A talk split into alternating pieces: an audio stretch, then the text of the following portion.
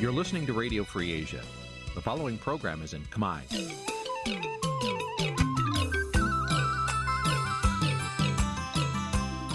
Nǐ chi càm bi tiệp xáy vệt chiu a zì sê ray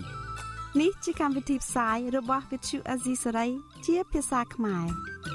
វត្តឈូអាស៊ីសេរីសូមស្វាគមន៍លោកអ្នកនាងទាំងអស់ពីរដ្ឋធានី Washington នៃសហរដ្ឋអាមេរិក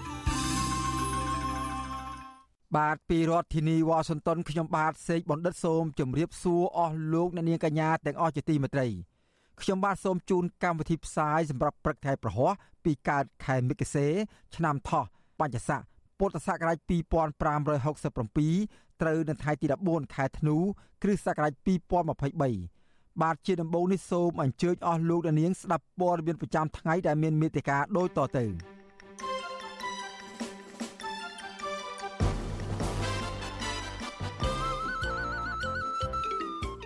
អង្គការសិទ្ធិមនុស្សថាស្លាធរពុំបានធានាសិទ្ធិពេញលេញរបស់ជនជាប់ចោតនៅពេលជំនុំជម្រះនោះទេកម្មកររោងចក្រមួយចំនួននៅណាយនឹងការងារក៏ប៉ុន្តែគ្មានឱកាសផ្លាស់ប្ដូរជីវិតក្រមយុវជនរកឃើញថារដ្ឋមន្ត្រីក្រសួងបរិស្ថានថ្មីអសមត្ថភាពក្នុងការការពារព្រៃប្រះរកាភ្ញៀវទេសចរចិនទៅលេងប្រទេសថៃ មានចំនួនច្រើនជាងមកទស្សនាប្រទេសកម្ពុជា រួមនឹងព័ត៌មានសំខាន់សំខាន់មួយចំនួនទៀត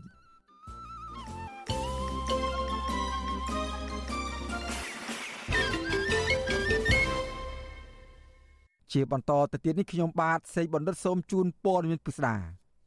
បាទលោកអ្នកនាងកញ្ញាជាទីមេត្រីមជ្ឈមណ្ឌលសិទ្ធិមនុស្សកម្ពុជាហៅកាត់ថា CCHR រកឃើញថាសាលាធរពុំបានធានាសិទ្ធិរបស់ជនជាប់ចោតឲ្យបានពេញលេញ ទៅតាមបទដ្ឋានសិទ្ធិទទួលបានការជំនុំជម្រះដោយយុត្តិធម៌នោះទេសិទ្ធិទាំងនោះរួមមានសិទ្ធិមិនត្រូវបង្ខំឲ្យសារភាពអំពីពិរុទ្ធភាព និងផ្ដល់សក្ខីកម្មប្រឆាំងខ្លួនឯងសិទ្ធិមានសេរីភាពសិទ្ធិទទួលបានការសន្មត់ថាគ្មានទោសនិងករណីខ្លះជន់ជាប់ចោតមិនមានមេធាវីនៅពេលសវនាការមជ្ឈមណ្ឌលសិទ្ធិមនុស្សកម្ពុជារកឃើញបែបនេះក្រោយបានអង្កេតសវនាការ និងវិភាគទិន្នន័យនៅសាលាធរចំនួន4គឺពីថ្ងៃទី1ខែមករាដល់ថ្ងៃទី31ខែធ្នូឆ្នាំ2022កន្លងទៅ ក្នុងនោះមជ្ឈមណ្ឌលសិទ្ធិមនុស្សកម្ពុជា បានអង្កេតសវនាការប្រចាំថ្ងៃលើសំណុំរឿងព្រំប្រទានចំនួន521សំណុំរឿងពាក់ព័ន្ធនឹងជនជាប់ចោតចំនួន724នាក់នៅសាលាធរចំនួន4គឺសាលាធរភ្នំពេញបាត់ដំបងត្បូងឃ្មុំ និងប្រសេនុ មជ្ឈមណ្ឌលសិទ្ធិមនុស្សកម្ពុជាជំរុញឲ្យសាលាធរកែប្រែចំណុចខ្វះខាតទាំងនេះដើម្បីឲ្យជនជាប់ចោតទទួលបានការជំនុំជម្រះដោយយុត្តិធម៌ក្នុងបណ្ដឹងឧទ្ធររបស់ពួកគេ។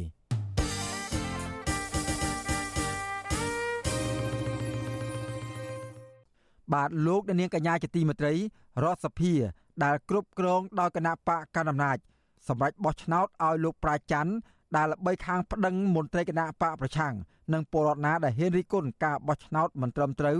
និងអយុត្តិធម៌នោះឲ្យដឹកនាំស្ថាប័នជាតិរៀបចំការបោះឆ្នោតមួយនេះបន្តមួយអាណត្តិទៀតមន្ត្រីគណៈបកប្រឆាំងលើកឡើងថាថ្នាក់ដឹកនាំគណៈកម្មាធិការជាតិរៀបចំការបោះឆ្នោតនៅមិនទាន់អាចឲ្យសាធារណជនជឿជាក់ថា មានឯករាជ្យភាពនៅឡើយនោះទេ បាទយើងប្រកូលនាទីនេះជូនដល់លោក ជីវិតារាយការណ៍ជូនលោកនាង អំពីរឿងនេះពីរដ្ឋធានីវ៉ាស៊ីនតោនរដ្ឋសភានៅថ្ងៃទី13ខែធ្នូនេះបានបើកអង្គប្រជុំដឹកនាំដោយអ្នកស្រីខួនសុដារីបោះឆ្នោតផ្ដល់សេចក្តីទុកចិត្តដល់សមាជិកភាពថ្នាក់ដឹកនាំគណៈកម្មាធិការជាតិរៀបចំការបោះឆ្នោតថ្មីហៅកាត់ថាកោជបចំនួន9រូប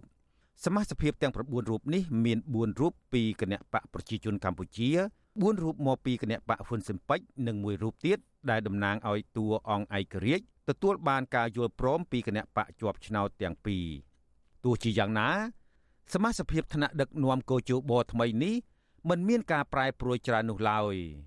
ជាក់ស្ដែងសមាជិកសភាដែលភាកច្រើនលើសលប់មកពីគណៈបកប្រជាជនកម្ពុជា បានបោះឆ្នោតឲ្យលោកប្រាច័ន្ទជាប់ឆ្នោតជាប្រធាន លោកជឺចំណានជាអនុប្រធាន ជំនួសលោកនុតសុខុមមកពីគណៈបកហ៊ុនស៊ិនប៉ិចនិងសមាជិកកោជបចំនួន7រូបផ្សេងទៀតក្នុងនោះរួមមានលោកមានសេតិលោកដឹមសវណ្ណរមនិងលោកសោមសូរីដាមកពីគណៈបកប្រជាជនកម្ពុជា ចំណែកលោកហេងស៊ីលេងលោកយិចសមិទ្ធិនិងលោកហែលសារ៉ាតមកពីគណៈបកហ៊ុនស៊ិនពេជ្រគណៈលោកហងពុធានៅតែជាប់ជាសមាជិកទី9របស់គោជបដដែលអ្នកនាំពាក្យគណៈបកហ៊ុនស៊ិនពេជ្រលោកញឿនរ៉ាដែន សង្ឃឹមថាបេក្ខជនដែលជាប់ឆ្នោតនឹងបំពេញតួនាទីតាមច្បាប់កំណត់គិតថាសមាជិកក៏ដូចជាសមាជិកានៃតែទទួលបានការគ្រប់គ្រងពីសុភានឹងនឹងបំរើកិច្ចការរបស់ខ្លួនទៅតាមច្បាប់កំណត់ជាពិសេសធានាបាននៃការបោះឆ្នោតនៅពេលខាងមុខនេះសេរីយុត្តិធម៌និងគ្រប់គណៈបកនយោបាយទាំងអស់ទទួលយកបានចំណែកអនុប្រធានគណៈបកភ្លើងទៀនលោកសុនឆៃរិះគន់ថា ចាប់តាំងពីតុលាការកំពូលរំលាយគណៈបកសង្គ្រោះជាតិមក ស្ថាប័នកោជបមិនមានភាពឯករាជ្យហើយលំអៀងទៅគណៈបកកាន់អំណាចលោកថាបើទោះជាគណៈបកហ៊ុនស៊ិនពេជ្រមានបេក្ខជនជាប់ឆ្នោតក្តីក៏មិនទាន់ឲ្យសាធារណជនជឿទុកចិត្តលើស្ថាប័ននេះនៅឡើយទេ ដូច្នេះខ្ញុំគ្រាន់តែចង់មិនទាន់អាចនឹងសន្និដ្ឋានយ៉ាងណាជាក់លាក់ទេប៉ុន្តែគ្រាន់តែថាសមាជិកភាពដែលតែងតាំងនេះវាត្រូវតែបានបញ្ជាក់ដែរថាតើជ្រើសពីប្រភពណាច្បាស់លាស់នោះទើបទើបយើងអាចសន្និដ្ឋានបានខ្លះក៏ប៉ុន្តែដូចយើងដឹងហើយគណៈបកប៉ុន្តែទៅហាក់ដូចជាមានអធិពលអីប៉ុន្មានជាតំណាងឲ្យពលរដ្ឋជាម្ចាស់ឆ្នោតនៅក្នុងប្រទេសកម្ពុជានោះទេបាទ ប្រធានគណៈកម្មាធិការជាតិរៀបចំការបោះឆ្នោតលោកប្រាជ្ញច័ន្ទបានដឹកនាំស្ថាប័ននេះចាប់តាំងពីពាក់កណ្ដាលឆ្នាំ2021មកហើយលោកក៏ធ្លាប់ជាអតីតមន្ត្រីជាន់ខ្ពស់នៃគណៈបកប្រជាជនកម្ពុជាផងដែរធ្ងន់ធ្ងរជាងនេះគោជបក្រោមការដឹកនាំរបស់លោកប្រាជ្ញច័ន្ទកាន់តែបាត់បង់ជំហរឯករាជ្យរបស់ខ្លួនជាងមុនទៅទៀតពីព្រោះស្ថាប័នអាជ្ញាកណ្ដាលមួយនេះ បានគាំទ្រជាចំហចំពោះការដឹកនាំរបស់លោកហ៊ុនសែនអតីតនាយករដ្ឋមន្ត្រីនិងបានចេញមុខប្តឹងអ្នករិះគន់គោជបទៅតុលាការដែលជារឿងមិនធ្លាប់កើតមាននោះទេ ក្នុងប្រវត្តិជាង20ឆ្នាំរបស់គោជបវិទ្យុអាស៊ីសេរីមិនទាន់អាចសុំការឆ្លើយតបរឿងនេះពីអ្នកនាំពាក្យរដ្ឋសភាលោកលេងពេញឡុងនិងអ្នកនាំពាក្យគណៈកម្មាធិការជាតិរៀបចំការបោះឆ្នោតលោកហងពុធា ដើម្បីសូមអត្ថាធិប្បាយបន្ថែមជុំវិញបញ្ហានេះបាននៅឡើយទេនៅថ្ងៃទី13ធ្នូទោះជាយ៉ាងណាក៏ដោយចុះនាយកប្រតិបត្តិអង្គការឃ្លាំមើលការបោះឆ្នោតនៅកម្ពុជាហៅកាត់ថា Netflix លោកសំគុណធីមីបោះក្តីសង្ឃឹមថាគណៈកម្មាធិការជាតិរៀបចំការបោះឆ្នោតថ្មី អាចនឹងល្អប្រសើរក្នុងអាណត្តិនេះព្រោះថាមានគណៈបកហ៊ុនស៊ិនពេជ្រចូលរួម លោកសំគុណធីមីបន្តថា គណៈកម្មាធិការជាតិរៀបចំការបោះឆ្នោតថ្មីត្រូវតែអនុវត្តច្បាប់និងធានាថា ស្ថាប័នមួយនេះមានភាពឯករាជ្យ ខ្ញុំសង្ឃឹមថាសមាជិកកើជបដែលចេញពីគណៈបកទាំងពីរនៅរដ្ឋសភាហ្នឹងគឺថាអនុវត្តទៅតាមគោលការណ៍ច្បាប់ច្បាប់ស្តីពីការបោះឆ្នោតហ្នឹងបានគោរពឆន្ទៈលើកស្ទួយគោរពនឹងឆន្ទៈសិទ្ធិពលរដ្ឋសិទ្ធិនយោបាយដើម្បីឲ្យគណៈឲ្យជាពលរដ្ឋហ្នឹងមានជំនឿទៅលើសមាជិកកើជបដែលជាគណៈកម្មការឯករាជ្យរៀបចំការបោះឆ្នោតហ្នឹងបាទ មាត្រា3នៃច្បាប់ស្តីពីការរៀបចំនិងការប្រព្រឹត្តទៅនៃគណៈកម្មាធិការជាតិរៀបចំការបោះឆ្នោតចែងថាគោជបត្រូវតែអនុវត្តសមត្ថកិច្ចរបស់ខ្លួនដោយឯករាជ្យនិងអព្យាក្រឹតដើម្បីធានាឲ្យការបោះឆ្នោតប្រព្រឹត្តទៅដោយសេរី ត្រឹមត្រូវនិងយុត្តិធម៌ស្របតាមគោលការណ៍នៃលទ្ធិប្រជាធិបតេយ្យសេរីពហុបកសមាជិកទាំងឡាយនៃគោជបគ្រប់លំដាប់ថ្នាក់ត្រូវមានជំហរអព្យាក្រឹតឥតលំអៀង ក្នុងការអនុវត្តការងារបោះឆ្នោតទោះជាយ៉ាងណា ចាប់តាំងពីតុលាការកំពូលដែលស្ថិតក្រោមឥទ្ធិពលរបស់គណៈបកកាន់អំណាចរំលាយគណៈបកសង្គ្រោះជាតិកាលពីឆ្នាំ2017មក ស្ថាប័នកោជបត្រូវបានគេមើលឃើញថា ស្ថិតនៅក្រោមខ្សែញាក់របស់បកកាន់អំណាចដដែលហើយស្ថាប័នមួយនេះតែងតែលំអៀងទៅរកគណៈបកកាន់អំណាចនៅក្នុងការរៀបចំការបោះឆ្នោត ជាពិសេសនៅពេលស្ថាប័នរៀបចំការបោះឆ្នោតមួយនេះ មិនអនុញ្ញាតឲ្យគណៈបកភ្លើងទៀនចូលរួមការបោះឆ្នោតថ្នាក់ជាតិកាលពីខែកក្កដាឆ្នាំ2023នេះខ្ញុំជីវិតាអាស៊ីសេរីបាទលោកអ្នកនាងកញ្ញាជាទីមេត្រីសកម្មជនសង្គមនិងមន្ត្រីអង្គការសង្គមស៊ីវិលយល់ឃើញថារដ្ឋាភិបាលកម្ពុជាហាក់ព្យាយាមបំភ្លេចពីសិទ្ធិមនុស្សតាមរយៈការដកចេញនៅថ្ងៃរំលឹកកិច្ចព្រមព្រៀងសន្តិភាពទីក្រុងប៉ារីស23ដុល្លារនិងទិវាសិទ្ធិមនុស្សអន្តរជាតិ10ធ្នូ ចេញពីប្រតិទិនឈប់សម្រាកប្រចាំឆ្នាំពួកគាត់ស្នើសុំរដ្ឋាភិបាលគិតគូររឿងនេះឡើងវិញលើការដាក់ទិវាទាំងនោះ ជាថ្ងៃឈប់សម្រាកទូទៅ ដើម្បីឲ្យប្រជាពលរដ្ឋបានចូលរួម និងរំលឹកនៅអត្តន័យដ៏សំខាន់សំខាន់ក្នុងថ្ងៃទាំងនោះ បាទពីរដ្ឋធានី Washington លោកយ៉ងច័ន្ទរា មានសេចក្តីរាយការណ៍អំពីរឿងនេះដូចតទៅសកម្មជនសង្គមរិះគន់ទៅលើរដ្ឋាភិបាលថ្មីដឹកនាំដោយលោកហ៊ុនម៉ាណែត ដែលនៅតែមិនដាក់បញ្ចូលថ្ងៃទី23ដុល្លារនៃកិច្ចព្រមព្រៀងសន្តិភាពទីក្រុងប៉ារីសនិងថ្ងៃ10ធ្នូទិវាសិទ្ធិមនុស្សអន្តរជាតិចូលទៅក្នុងប្រតិទិនឈប់សម្រាកប្រចាំឆ្នាំឡើងវិញថាជាការមិនខ្វាយខ្វល់អំពីសិទ្ធិមនុស្សនិងព្រឹត្តិការណ៍ប្រវត្តិសាស្ត្រដែលបញ្ចប់សង្គ្រាមនៅក្នុងប្រទេសកម្ពុជាសកម្មជនកិច្ចព្រមព្រៀងសន្តិភាពទីក្រុងប៉ារីសលោកស្រុនស្រូនប្រាប់វិទ្យុអាស៊ីសេរីនៅថ្ងៃទី13ធ្នូថា ការលុបចោលថ្ងៃឈប់សម្រាកនៃការរំលឹកខួបកិច្ចព្រមព្រៀងសន្តិភាពទីក្រុងប៉ារីសគឺប្រៀបបានទៅនឹងការជន់ឈ្លីច្បាប់កម្ពុជាកម្ពុជានិងកតិកាសញ្ញាសំខាន់សំខាន់ដទៃទៀតដែលកម្ពុជាបានផ្ដល់សច្ចាប័នដើម្បីបញ្ចប់សង្គ្រាមលោកលើកឡើងថាកិច្ចព្រមព្រៀងសន្តិភាពទីក្រុងប៉ារីស23ដុល្លារគឺជាថ្ងៃប្រវត្តិសាស្ត្រនិងមានសារៈសំខាន់ជាងថ្ងៃ7មករាដែលរដ្ឋាភិបាលយកធ្វើជាទិវាជ័យជំនះលើរបបខ្មែរក្រហម។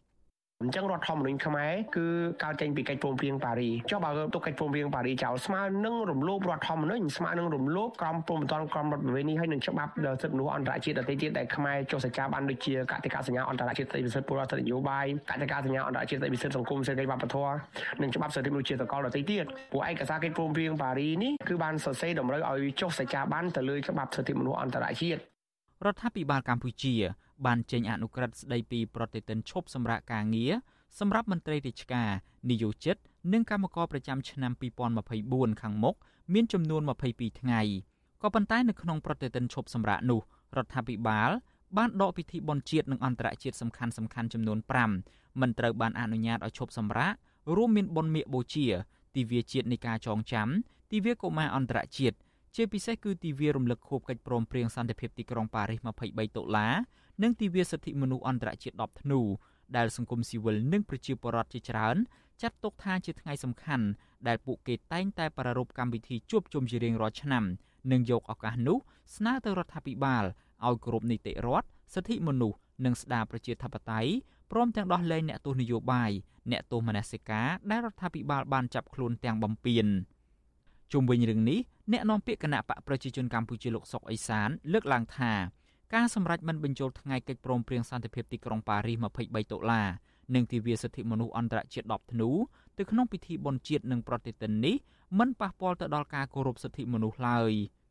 កិច្ចព្រមព្រៀងទីក្រុងប៉ារីសឬមួយក៏សិទ្ធិមនុស្សមិនមែនអនុវត្តតែមួយថ្ងៃថ្ងៃ10ធ្នូឬមួយថ្ងៃ23ខែតុលានោះទេរាល់ថ្ងៃនេះរាជរដ្ឋាភិបាលដែលលោកដឹកនាំប្រទេសប្រកបដោយសន្តិភាពស្ថិរភាពនយោបាយគឺផ្អែកទៅលើមូលដ្ឋាននៃស្មារតីកិច្ចព្រមព្រៀងប៉ារីសនឹងឯងទោះជាយ៉ាងនេះក្តីនាយកទទួលបន្ទុកកិច្ចការទូតនៃអង្គការសិទ្ធិមនុស្សលីកាដូលោកអំសំអាត ស្នើឲ្យរដ្ឋាភិបាលពិចារណាដាក់បញ្ចូលកិច្ចព្រមព្រៀងសន្តិភាពទីក្រុងប៉ារីស23ដុល្លារ និងទិវាសិទ្ធិមនុស្សអន្តរជាតិ10ធ្នូទៅក្នុងពិធីបុណ្យជាតិឡើងវិញដើម្បីឲ្យប្រជាពលរដ្ឋចងចាំនិងយល់ពីសារៈសំខាន់នៃថ្ងៃប្រវត្តិសាស្ត្រដែលគូចំនួនខ្មែរគ្រប់ភាគីព្រមបញ្ចប់សង្គ្រាមស៊ីវិលដ៏រ៉ាំរ៉ៃនៅកម្ពុជា និងជំរុញឲ្យរដ្ឋាភិបាលគោរពសិទ្ធិមនុស្សដែលមានចែងនៅក្នុងរដ្ឋធម្មនុញ្ញបើសិនជានៅក្នុងប្រតិទិននៃឈប់សម្រាកពលរដ្ឋដែលឈប់សម្រាកគាត់ដឹងថាថ្ងៃនេះជាថ្ងៃកិច្ចព្រមព្រៀងទីក្រុងប៉ារីថ្ងៃទិវាសិទ្ធិមនុស្ស ធ្វើឲ្យគាត់ចងចាំប៉ុន្តែនៅពេលដែលមិនបានដាក់នៅក្នុងថ្ងៃឈប់សម្រាកពួកគាត់ដល់ថ្ងៃគឺអត់បានដឹងបានន័យថាផ្លេចយូរយូរទៅអាចនឹងផ្លេចនៅថ្ងៃទាំងពីរនេះបាទកាលពីអំឡុងឆ្នាំ2005រដ្ឋាភិបាលកម្ពុជា ដែលកាលនោះដឹកនាំដោយលោកហ៊ុនសែនបានសម្រេចដកថ្ងៃ23ដុល្លារចេញពីបនជាតិម្ដងរួចមកហើយលុះមកដល់ឆ្នាំ2012រដ្ឋាភិបាលដដែលនេះក៏បានកំណត់យកថ្ងៃទី23ដុល្លារដាក់ជាថ្ងៃបុណ្យជាតិឲ្យមានឈប់សម្រាកឡើងវិញ ដោយមន្ត្រីរដ្ឋាភិបាលកាលនោះអះអាងថាដើម្បីឧទ្ទិសដល់ព្រះវីរភាពរបស់សម្ដេចព្រះមហាវីរក្សត្រសម្ដេចព្រះនរោត្តមសីហនុនិងលោកហ៊ុនសែនដែលជាស្ថាបនិកនៃការចុះកិច្ចព្រមព្រៀងសន្តិភាពទីក្រុងប៉ារីថ្ងៃទី23តុលាឆ្នាំ1991ក៏ប៉ុន្តែនៅឆ្នាំ2020រដ្ឋាភិបាលកម្ពុជាក្រោមការដឹកនាំរបស់លោកហ៊ុនសែនបានសម្រេចដកទិវារំលឹកខួបកិច្ចព្រមព្រៀងសន្តិភាពទីក្រុងប៉ារីស23តុលាជាថ្មីម្ដងទៀត រួមជាមួយនឹងទិវាសិទ្ធិមនុស្សអន្តរជាតិ10ធ្នូបុណ្យមាឃកបូជាទិវាជាតិនៃការចងចាំ និងទិវាកុមារអន្តរជាតិសកម្មជនសង្គមប្រជាពលរដ្ឋយុវជន និងមន្ត្រីអង្គការសង្គមស៊ីវិលស្នើឲ្យរដ្ឋាភិបាលដាក់បញ្ចូលថ្ងៃសំខាន់ទាំងពីរនេះចូលទៅក្នុងប្រតិទិនឈប់សម្រាកឡើងវិញដើម្បីបង្ហាញថារដ្ឋាភិបាលពិតជាមានឆន្ទៈគោរពគោលការណ៍សិទ្ធិមនុស្សនិងដឹកនាំប្រទេសទៅតាមបែបប្រជាធិបតេយ្យពិតប្រាកដ ខ្ញុំយ៉ងច័ន្ទដារាវិទ្យុអាស៊ីសេរី Washington ជាបន្តទៅទៀតនេះយើងមានសេចក្តីរាយការណ៍មួយដែលផ្ដោតទៅលើសកម្មជនសិទ្ធិមនុស្សកញ្ញាសេងធីរី ដែលកំពុងមានជំងឺហើយត្រូវសង្គ្រោះបន្ទាន់ខណៈដែលកញ្ញាកំពុងជាប់នៅក្នុងពន្ធនាគារមន្ត្រីពន្ធនាគារព្រៃសរបញ្ជូនកញ្ញាសេងធីរីទៅសង្គ្រោះបន្ទាន់នៅមន្ទីរពេទ្យរុស្ស៊ីក្នុងរាជធានីភ្នំពេញនៅព្រឹកថ្ងៃទី13ខែធ្នូ ក្នុងពេលដែលកញ្ញាកំពុងធ្វើកោតកម្មបង្អត់អាហារទាមទារឲ្យតុលាការដោះលែងកញ្ញាក្នុងរយៈពេលជិតមួយសប្តាហ៍មកហើយជាមួយគ្នានេះស្លាធរភ្នំពេញក៏សម្រេចពន្យាពេលជំនុំជម្រះក្តីលើសំណុំរឿងក្បត់ជាតិរបស់កញ្ញានិងមន្ត្រីគណៈបកប្រឆាំង2នាក់ទៀតទៅពេលក្រោយដោយកញ្ញាសេងធារីមានបញ្ហាសុខភាព បាទលោកទីនសាការីយ៉ារាយការណ៍អំពីរឿងនេះពីរដ្ឋធានីវ៉ាស៊ីនតោន សុខភាពរបស់កញ្ញាសេងធារី នៅមិនទាន់បានប្រសើរវិញនៅឡើយទេគិតមកត្រឹមរសៀលថ្ងៃទី13ធ្នូនេះអ្នកនាំពាក្យអគ្គនាយកដ្ឋានពន្ធនាគារនៃក្រសួងមហាផ្ទៃលោកនុតសាវណ្ណាមានប្រសាសន៍ថាក្រុមគ្រូពេទ្យបានពិនិត្យសុខភាពអ្នកច្បាប់និងជាអ្នកជំនាញវិទ្យាសាស្ត្រនយោបាយកញ្ញាសេងធារីរកឃើញថាសុខភាពរបស់កញ្ញាចុះខ្សោយដោយសារតែការអត់អាហារច្រើនថ្ងៃជាប់ជាប់គ្នាលោកបន្តថាគ្រូពេទ្យ នៅតែបន្តតាមដានសុខភាពកញ្ញាសេងធារីនៅមន្ទីរពេទ្យរុស្ស៊ីនៅឡើយគិតមកត្រឹមរសៀលថ្ងៃទី13ធ្នូនេះយើងគ្រាន់តែទុកគាត់នៅពេទ្យហ្នឹងដើម្បីស្រួលមានការអីសង្គ្រោះបន្ទាន់អីយើងនៅនឹងពេទ្យស្រាប់វាស្រួលមិនចាំលឹកគាត់ចុះឡើងនោះហើយយើងបន្តតាមដានវាតម្លៃស្ថានភាពសុខភាពគាត់ជាប្រចាំបាទបើមិនជាមានករណីណាឈានទៅដល់បញ្ហាធំដុំអាហ្នឹងពេទ្យគេនៅនឹងស្រាប់ណា កញ្ញាសេងធារីកំពុងធ្វើកតកម្មអត់អាហាររយៈពេល10ថ្ងៃក្នុងពន្ធនាគារប្រៃសណចាប់ពីថ្ងៃទី7ដល់ថ្ងៃទី16ធ្នូដើម្បីទាមទារឲ្យសាលាឧទ្ធរភ្នំពេញផ្ដល់សេរីភាពជូនកញ្ញាវិញមិទ្យុអាស៊ីសេរីមិនអាចតតងប្រធានមន្ត្រីពេទ្យរុស្ស៊ីលោកងីមេងដើម្បីសំសួរអំពីបញ្ហានេះបន្ថែមបានទេនៅថ្ងៃទី13ធ្នូនេះចំណែកឯមេធាវីការពារក្តីកញ្ញាសេងធារី គឺលោកសំចម្រើនក៏មិនអាចតតងបានដែរ ទោះជាយ៉ាងណាសន្តិសុខនៅមន្ទីរពេទ្យរុស្ស៊ីថ្លែងសុំមិនបញ្ចេញឈ្មោះនិងសម្លេងថាមន្ត្រីពន្ធនាគារបានដឹកកញ្ញាសេងធារីត្រឡប់ទៅមន្ទីរឃុំឃាំងតាំងពីម៉ោង11ព្រឹកថ្ងៃដដែលការបញ្ជូនកញ្ញាសេងធារីទៅសង្គ្រោះបន្ទាន់នៅមន្ទីរពេទ្យខាងក្រៅពន្ធនាគារនេះធ្វើឡើងស្របពេលដែលប្រធានក្រុមប្រឹក្សាជំនុំជម្រះនៃសាលាធរភ្នំពេញលោកប៉ុនណារងបានពន្យាពេលជំនុំជម្រះក្តីលើសំណុំរឿងរបស់កញ្ញាសេងធារី ទៅពេលក្រោយវិញដោយគ្មានថ្ងៃកំណត់ក្រុមហេតុផលថាដោយសារតែសកម្មជនសិទ្ធិមនុស្សនិងជាអ្នកជំនាញច្បាប់អន្តរជាតិរូបនេះមានសុខភាពទ្រុឌទ្រោមមិនអាចជំនុំជម្រះក្តីបាននឹងតាមការស្នើសុំរបស់មេធាវីជាមួយគ្នានេះប្រធានក្រុមប្រឹក្សាជំនុំជម្រះនៃសាលាធរភ្នំពេញក៏ពន្យាពេលជំនុំជម្រះក្តីលើសំណុំរឿងមន្ត្រីគណៈបកសង្គ្រោះជាតិ2នាក់ទៀតគឺលោកកកកំភៀនិងលោកហេងច័ន្ទសុធីទៅថ្ងៃក្រោយដែរ ក្រុមអង្គការសង្គមស៊ីវិលតំណាងការិយាល័យឧត្តមស្នងការអង្គការសហប្រជាជាតិទទួលបន្ទុកផ្នែកសិទ្ធិមនុស្សប្រចាំនៅកម្ពុជាមន្ត្រីស្ថានទូតសហរដ្ឋអាមេរិក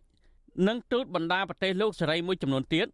ក៏បានទៅតុលាការដើម្បីត្រៀមខ្លំមើលសវនាការនេះដែរចំណែកឯនៅខាងក្រៅរបងតុលាការវិញ មានសាច់ញាតិអ្នកគាំទ្រកញ្ញាសេងធារីប្រមាណជា10នាក់បានទៅលើកបាដាទៀមទាឲ្យតុលាការដោះលែងកញ្ញា និងមន្ត្រីបកប្រឆាំងទាំងពីរនាក់ឲ្យមានសេរីភាពឡើងវិញប្រពន្ធលោកកកកំភៀគឺលោកស្រីព្រំចន្ទថាដែលបានចូលស្ដាប់សវនាការថ្លែងថាភ្លាមភ្លាមក្រោយពីមន្ត្រីតុលាការប្រកាសថាកញ្ញាសេងធារី មានសុខភាពទ្រុឌទ្រោមធ្វើឲ្យមន្ត្រីទូតបណ្ដាប្រទេសលោកសេរីដែលនៅក្នុងបន្ទប់សវនាការភ្ញាក់ផ្អើល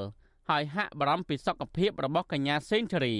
អឺគាត់ដូចថាគាត់ជាសញ្ជាតិអាមេរិកចឹងទៅមិញហ្នឹងខាងអឺខាងអង្គទូតដូចជាអឺរ៉ុប អាមេរិកអីគាត់ចូលជាច្រើនអ្នកគាត់ចាប់អារម្មណ៍ក្នុងការរឿងហ្នឹងមែនតើដោយសារអាដោយថាអត់ឃើញវត្តមានរូបគាត់ចឹងណាចាអញ្ចឹងក៏សាវនាការតនោះគាត់បានសើការបញ្ជាប៉ុន្តែក្រុមគូសាររបស់ពួកនាងខ្ញុំអត់ចង់ឲ្យបញ្ជាប៉ុន្តែដោយសារសំណុំរឿងគាត់ជាមួយគ្នាចាដោយឡែកប្រធានសមាគមការពារសិទ្ធិមនុស្សអាត់ហុកលោកនីសុខាដែលបានចូលស្ដាប់សាវនាការដែរនោះមានប្រសាសន៍សោកស្ដាយដល់តុលាការពន្យាពេលជំនុំជម្រះក្តីក្តាំនេះលោកបញ្ជាក់ថាការពន្យាពេលនេះ ជាការធ្វើឲ្យប៉ះពាល់ដល់ដំណើរការក្តីរបស់មន្ត្រីបកប្រឆាំង2នាក់ទៀតដែលបន្តអស់បន្លាយពេលទៅមុខខណៈដែលពួកគាត់កំពុងជាប់ឃុំក្នុងពន្ធនាគារយូរមកហើយនោះ អ្នកជាប់ក្នុងពន្ធនាគារ1ម៉ោង1ម៉ោងមិនមែនជារឿងមួយដែលស្រួលទេដូច្នេះអ្នកនៅក្នុងពន្ធនាគារទាំងអស់នឹងគាត់តឹងតឹងណារងចាំនៅយុទ្ធធរអញ្ចឹងយើងគិតថារឿងនេះវាជារឿងមួយដែលយើងគួរឲ្យសោកស្ដាយដែរហើយជារឿងមួយដែលវាប៉ះពាល់ដែរដល់មុខមាត់រដ្ឋាភិបាលដែរពីព្រោះថាបើសិនជាការអូបន្លាយពេលវេលាហើយអ្នកដែលជាប់ឃុំនឹងចេះតែបន្តហើយចេះតែមានការរិះគន់ជាបន្តបន្ទាប់ពីមតិជាតិអន្តរជាតិផ្សេងផ្សេងអានឹងវាអាចធ្វើឲ្យមុខមាត់រដ្ឋាភិបាលកាន់តែបន្តប៉ះពាល់សមាជិកក្រុងភ្នំពេញបានចាប់ខ្លួនកញ្ញាសេងធារីកាលពីថ្ងៃទី14ខែមិថុនាឆ្នាំ2022នៅខាងមុខតុលាការក្រុងភ្នំពេញក្រោយពីតុលាការប្រកាសសាលក្រមកាត់ទោសឲ្យកញ្ញាជាប់ពន្ធនាគារ6ឆ្នាំដោយចាប់ប្រកាន់ពីបទរួមគំនិតក្បត់ក្នុងសំណុំរឿងវិលចូលស្រុកវិញរបស់លោកសំរងស៊ីកាលពីឆ្នាំ2019មួយថ្ងៃបន្ទាប់មកតុលាការបានបញ្ជូនកញ្ញាសេងធារីទៅឃុំខ្លួននៅពន្ធនាគារខេត្តព្រះវិហារ ប៉ុន្តែកាលពីថ្ងៃទី23កញ្ញាអាជ្ញាធរបានផ្ទេរកញ្ញាសេងធារីយកមកឃុំខ្លួននៅពន្ធនាគារព្រៃសរក្នុងរាជធានីភ្នំពេញវិញក្រោយពីលោកនាយរដ្ឋមន្ត្រីហ៊ុនម៉ាណែតបានជួបជាមួយមន្ត្រីសារអាមេរិកផ្ទួំផ្ទួនគ្នាទាំងនៅក្នុងប្រទេសនិងនៅលើទឹកដីអាមេរិកចំណែកឯមន្ត្រីគណៈបកប្រឆាំង2នាក់គឺលោកកកកំភៀត្រូវបានអាជ្ញាធរចាប់ខ្លួនកាលពីថ្ងៃទី31ឧសភា ឆ្នាំ2020នៅលោកហេងច័ន្ទសុធី ត្រូវបានអាជ្ញាធរចាប់ខ្លួនកាលពីថ្ងៃទី4មិថុនាឆ្នាំ2020តុលាការបានចាប់ប្រកាន់អ្នកទាំងពីរពីបទរួមគំនិតក្បត់ញុះញង់ឲ្យយោធិនមិនស្ដាប់បង្គាប់និងញុះញង់ឲ្យប្រព្រឹត្តបទអក្រិតជាអាតពាក់ព័ន្ធនឹងគម្រោងវិលចូលស្រុកវិញរបស់លោកសំរងស៊ីកាលពីឆ្នាំ2019កន្លងទៅអង្គការជាតិនិងអន្តរជាតិបានចាត់ទុកការចាប់ខ្លួននេះថាជារឿងនយោបាយនិងបានអំពាវនាវឲ្យតុលាការដោះលែងពួកគេ ឲ្យមានសេរីភាពឡើងវិញដោយឥតលក្ខខណ្ឌខ្ញុំបាទទីនសាការីយ៉ាអស៊ីសេរីប្រធានាធិបតី Washington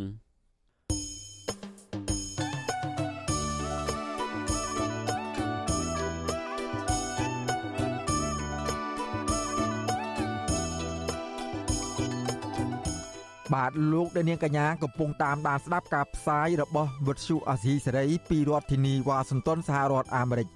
ក្រៅពីអស់លោកដែលនាង តាមដានស្ដាប់ការផ្សាយរបស់យើងខ្ញុំតាមរយៈបណ្ដាញសង្គមមាន Facebook YouTube និង Telegram ជាដើមនោះលោកអ្នកនាងក៏អាចស្ដាប់ការផ្សាយរបស់វិទ្យុអាស៊ីសេរីតាមរយៈវិទ្យុរលក ធាតុអាកាសខ្លី ដែលមានកម្រិតនិងកម្ពស់ដូចតទៅនេះពេលព្រឹកចាប់ពីម៉ោង5កន្លះដល់ម៉ោង6កន្លះតាមរយៈប៉ុស SW 93.90 MHz ស្មើនឹងកម្ពស់ 32m និងប៉ុស SW 11.85 MHz ស្មើនឹងកម្ពស់ 25m ពេលយប់ចាប់ពីម៉ោង7កន្លះដល់ម៉ោង8កន្លះតាមរយៈប៉ុស SW 93.30 MHz ស្មើនឹងកម្ពស់ 32m ប៉ុស SW 11.88 MHz ស្មើនឹងកម្ពស់ 25m និងប៉ុស SW 15.15 MHz ស្មើនឹងកម្ពស់ 20m បាទសូមអរគុណ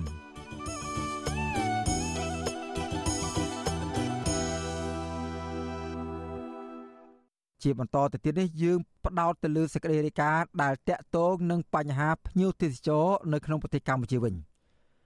បាទរដ្ឋាភិបាលកម្ពុជាសម្លឹងឃើញភ្ញៀវទេសចរជនជាតិចិន ថាមានសារៈសំខាន់បំផុត ជាប្រភពរកចំណូលលើកស្ទួយកំណើនសេដ្ឋកិច្ចដើម្បីកាត់បន្ថយភាពក្រីក្រ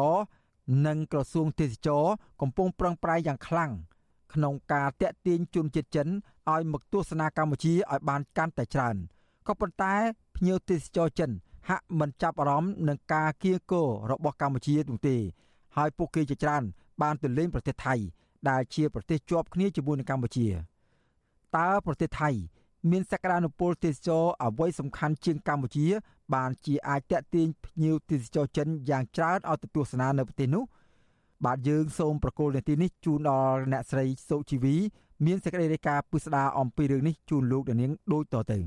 ពេលបច្ចុប្បន្នចំនួនភ្ញៀវទេសចរដែលមកទស្សនាកម្ពុជាធ្លាក់ចុះយ៉ាងខ្លាំងបាទទោះបីជារដ្ឋាភិបាលកម្ពុជា ក្រសួងទេសចរនិងផ្នែកពាក់ព័ន្ធខ្លះទៀតកំពុងប្រឹងប្រែង ធ្វើយុទ្ធនាការតាក់ទាញយ៉ាងណាក្តីអគ្គនាយកគ្រឹះស្ថានអង្គរដែលជាកន្លែងលក់សម្បត្តិឲ្យភ្ញៀវចូលទស្សនាអង្គរលោកលីសែឲ្យដឹងថាក្នុងរយៈពេល11ខែនៃឆ្នាំ2023នេះចំនួនភ្ញៀវទេសចរចិនដែលមកកំសាន្តនៅរមណីយដ្ឋានអង្គរមានប្រមាណ70000នាក់មន្ត្រីដដែលបានរំពឹងថាពេញមួយឆ្នាំ2023នេះកម្ពុជាអាចនឹងទទួលភ្ញៀវទេសចរចិនមកទស្សនាអង្គរបានប្រហែលជាង80000នាក់ប៉ុណ្ណោះ ចំណែកក្រសួងទេសចរឲ្យដឹងថានៅក្នុងឆ្នាំ2023កម្ពុជាអាចនឹងទទួលភ្ញៀវទេសចរចិននៅទូទាំងប្រទេសបានប្រមាណ60ម៉ឺននាក់តួលេខអ្នកទេសចរចិនមកទស្សនាកម្ពុជានេះខុសគ្នាឆ្ងាយបើប្រៀបធៀបជាមួយប្រទេសថៃក្នុងរយៈពេល10ខែទទួលបានភ្ញៀវទេសចរចិនប្រមាណជាង3លាននាក់នោះអញ្ញាធិទេសចរថៃបានរំពឹងទុកទៀតថាពេញមួយឆ្នាំ2023នេះប្រទេសថៃ អាចនឹងទទួលបានភ្ញៀវទេសចរចិនប្រមាណពី3លាន4សែននាក់ទៅ3លាន5សែននាក់តើប្រទេសថៃមានសក្តានុពលទេសចរអ្វីខ្លះសំខាន់ជាងកម្ពុជា បានជាអាចតេទៀងភ្ញៀវទេសចរចិនយ៉ាងច្រើនទៅកំសាន្តចំណែកឯកម្ពុជាដែលជាមិត្តដៃថែបជាមួយចិនហេតុអ្វីបានជាមិនអាចតេទៀងភ្ញៀវទេសចរចិនឲ្យមកទស្សនាបានច្រើនដូចជាប្រទេសថៃដែរអ្នកតាមដានភូមិសាស្ត្រតំបន់អាស៊ីអាគ្នេយ៍និងប៉ាស៊ីហ្វិកលោកសេងវ៉ាន់លីមើលឃើញថា បើនិយាយពីប្រាង្គប្រាសាទតំបន់វប្បធម៌គឺប្រទេសថៃមិនអាចប្រៀបផ្ទឹមស្មើនឹងកម្ពុជាបានទេក៏ប៉ុន្តែប្រទេសថៃដែលអាចតាក់ទាញភ្ញៀវទេសចរចិននិងបរទេសចម្រុះជាតិសាសន៍ឲ្យទៅកំសាន្តបានច្រើន ដោយសារតែថៃមិនផ្ដោតលើវិស័យទេសចរតែតំបន់ប្រវត្តិសាស្ត្រទេ គឺគេមានវិស័យចម្រុះជាច្រើនទៀតដូចជាតំបន់ភ្នំមាត់សមុទ្រតំបន់ទេសចរកំសាន្តពេលរាត្រី រួមទាំងគោលនយោបាយនៃសេវាកម្មទេសចរនិងសន្តិសុខរបស់ប្រទេសគេល្អផងធ្វើឲ្យអ្នកទេសចរជឿជាក់នឹងចូលចិត្តទៅកំសាន្ត ហើយវិស័យសេវាកម្មទេសចររបស់យើងហ្នឹងគឺយើងនៅមិនទាន់មានភាពសម្បូរបែបនៅឡើយទេហើយមួយទៀតខ្ញុំមើលឃើញដោយសារតែ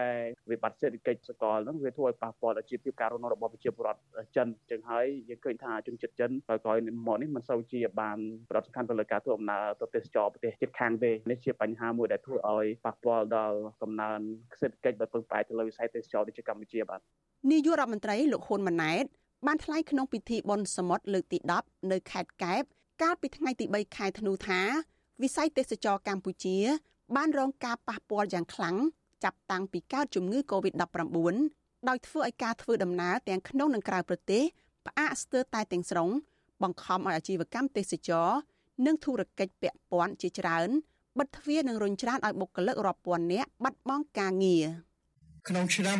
2024នេះគឺជាវិស័យអតិភិបមួយដែលរាជរដ្ឋាភិបាលបានដាក់គោលនយោបាយជាបន្តបន្ទាប់នៅក្នុងវេទិកាជួបជាមួយវិស័យឯកជនចំបាក់ចាក់ចែងនៅវិធានការពុតស្រួយពីចំនួនដើម្បីជួយទោះបីជាយើងដាក់ឆ្នាំ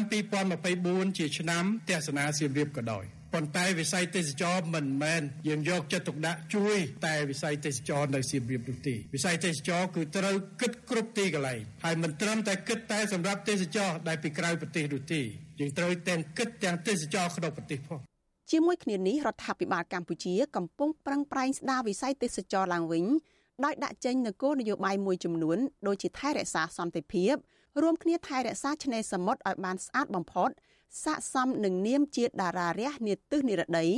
បន្តការអភិវឌ្ឍតំបន់ឆ្នេរនិងកសាងហេដ្ឋារចនាសម្ព័ន្ធចាំបាច់សម្រាប់បម្រើឲ្យវិស័យទេសចរការយកចិត្តទុកដាក់ខ្ពស់ថែរក្សាសន្តិសុខ និងសុវត្ថិភាពភ្ញៀវទេសចរនៅគ្រប់គោលដៅព្រមទាំងតាក់ទាញប្រទេសមួយចំនួនឲ្យបង្កើតជើងហោះហើរត្រង់ឆ្ពោះមកក្រុងភ្នំពេញ និងខេត្តសៀមរាបជាដើមអ្នកសិក្សាកិច្ចការសង្គមយល់ឃើញថាថ្មីបើកម្ពុជា មានកន្លែងល្អសម្រាប់បង្ហាញទៅកាន់អ្នកទេសចរពិភពលោកក្តីក៏កម្ពុជាមិនអាចទាក់ទាញអ្នកទេសចរបរទេសឲ្យចូលមកកំសាន្តបានច្រើនទេ ប្រសិនបើកម្ពុជាមិនបំបត្តិអំពើពុករលួយ នៅតាមច្រកទ្វារព្រំដែន តាក់ទងនៅផ្នែកសេវាកម្មនិងរដ្ឋបាលដើម្បីលើកទឹកចិត្តអ្នកទេសចរឲ្យបានប្រសើរទេនោះ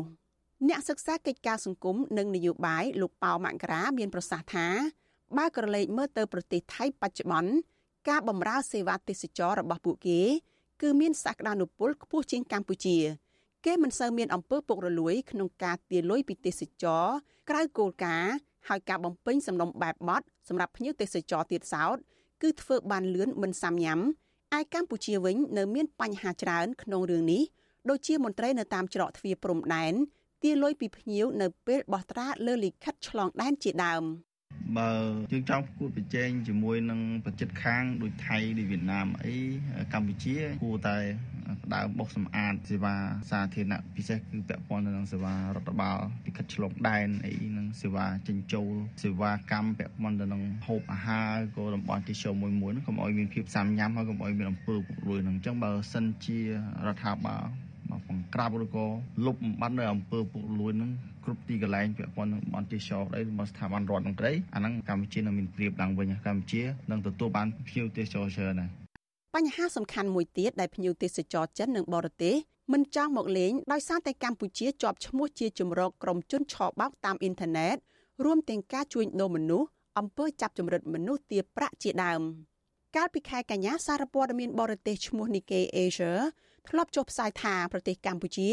ជាជំរកសម្រាប់ក្រុមជនឆបោកតាមអ៊ីនធឺណិតដែលមានទាំងការជួញដូរមនុស្សអំពើចាប់ចម្រិតទារប្រាក់ព្រមទាំងការបាញ់សម្លាប់មនុស្សបន្ថែមពីលើនេះភាពយន្តចិនដែលមានចំណងជើងថា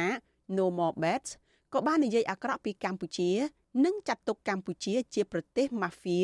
ជាកន្លែងចាប់ចម្រិត និងធ្វើទរណកម្មមនុស្សគួរឲ្យភ័យខ្លាច ដែលបញ្ហាទាំងនេះកំពុងធ្វើឲ្យកម្ពុជាជាប់កេរ្តិ៍ឈ្មោះយ៉ាងអាក្រក់ព្រមទាំងប៉ះពាល់ដល់កិច្ចខិតខំប្រឹងប្រែង ក្នុងការស្ដារវិស័យឧស្សាហកម្មទេសចរឡើងវិញយ៉ាងខ្លាំងប្រធានសហភាពការងារកម្ពុជាលោកអាត់ធុនឲ្យដឹងថាការបាត់បង់ភ្ញៀវទេសចរជនជាតិចិននិងបរទេសនៅទូទាំងកម្ពុជា បានធ្វើអ្នកពាក់ព័ន្ធប្រមាណ100000នាក់ដូចជាអ្នកបម្រើសេវាកម្មទេសចរនៅតាមសន្តាគារនិងភោជនីយដ្ឋាន ផ្នែកដឹកជញ្ជូនព្រមទាំងកសិករដែលជាអ្នកផ្គត់ផ្គង់ផលិតផលផងបានបាត់បង់ការងារនិងប្រាក់ចំណូល សេវាកម្មទេសចរបច្ចុប្បន្ននេះបើយើងមើលទៅមិនទាន់បាន40%ឡើងវិញផងស្ថានភាពជាច្រើននៅសៀមរាបនិងនៅខេត្តគោលដៅឥឡូវទទួលបានភ្ញៀវខ្មែរភ្ញៀវបរទេសបានតិចតួចមែនទែនតែបុគ្គលិកដូចសន្តាគារធំធំអីឥឡូវទៅចាប់ផ្ដើមរើសមនុស្សចូលមិនទាន់បាន50%វិញផងព្រោះភ្ញៀវវាអត់ទៀងនិយាយពីកម្មករអ្នកដែលចូលធ្វើការហ្នឹងវាបាន20 30%ហ្នឹងហើយគ្មានកិច្ចសន្យាត្រឹមត្រូវគ្មានប្រាក់ខែទៀងទាត់ដល់ខ្លះគេឲ្យធ្វើតាមស៊ីថ្ងៃស៊ីពេលអីចឹងនៅពិបាកទេសចរនោះអ្នកនាំពាក្យក្រសួងទេសចរលោកតបសុភ័ក្រធ្លាប់ប្រាប់សារព័ត៌មានចិនស៊ីនហួរកាលពីអំឡុងឆ្នាំ2019គឺនៅមុនពេលមានជំងឺ Covid-19 ថាកម្ពុជាធ្លាប់បានទទួលភ្ញៀវទេសចរចិនប្រមាណជាង2លាន3សែននាក់ក៏ប៉ុន្តែសម្រាប់ឆ្នាំ2023នេះចំនួនភ្ញៀវទេសចរចិនបានធ្លាក់ចុះយ៉ាងខ្លាំងដោយកម្ពុជារំពឹងថាអាចនឹងទទួលបានភ្ញៀវទេសចរចិនតែជាង6សែននាក់ប៉ុណ្ណោះនាងខ្ញុំសុជីវី វិទ្យុអាស៊ីសេរីពីរដ្ឋធានី Washington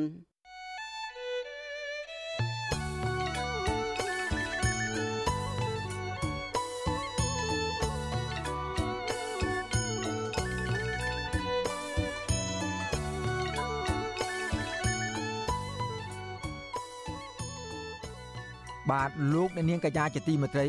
យើងបានទទួលសំណូមពរពីអ្នកស្ដាប់និងទស្សនារបស់យើងជាច្រើនណាស់ ថាកុំឲ្យដាក់ចំណងជើងផ្ទុយពីខ្លឹមសារនៃព័ត៌មានឧទាហរណ៍ដូចជា ដាក់ចំណងជើងថា Vivo ហើយលោកហ៊ុនសែនត្រូវតុលាការព្រហ្មទណ្ឌអន្តរជាតិ ICC យកទៅកាត់ទោសជាដើមក៏ប៉ុន្តែពេលចុចស្ដាប់ទៅ មិនលឺនិយាយអំពីរឿងនេះសោះយើងខ្ញុំសូមជម្រាបថា ការដាក់ចំណងជើងខុសពីខ្លឹមសារទាំងនេះ គឺជាការបោកប្រាស់របស់ក្រុមអ្នករកស៊ីតាម YouTube ដើម្បីរកលុយតែប៉ុណ្ណោះ ពួកគេលួចយកខ្លឹមសារនៃការផ្សាយរបស់វិទ្យុអសីសេរី ទៅកាត់តរួចបដូរចំណងជើង តាមរបៀបប្លែកប្លែកហួសហេតុខុសពីការពិត ក្នុងគោលបំណងតាក់ទាញចិត្តលោកនាងកញ្ញា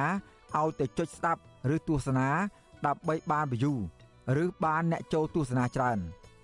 មានអ្នកចុចស្ដាប់កាន់តែច្រើនពួកគេក៏កាន់តែរកប្រាក់បានច្រើនដែរអាស៊ីសេរីមិនដែលដាក់ចំណងជើងខុសពីខ្លឹមសារនោះទេ លោកនាងកញ្ញាអាចចូលរួមទប់ស្កាត់ការបោកប្រាស់ទាំងនេះបាន ដោយឈប់ចុចស្ដាប់ ឬទស្សនាការផ្សាយណា ដែលដាក់ចំណងជើងខុសប្លែកគួរឲ្យសង្ស័យទាំងនេះ ជាពិសេសទៅទៀតនោះដើម្បីស្ដាប់ឬទស្សនាការផ្សាយពិតរបស់វិទ្យុអសីសេរីសូមលោកនាង ចូលទៅកាន់ Channel របស់អាស៊ីសេរីតែម្ដង ដែលមានអាសយដ្ឋាន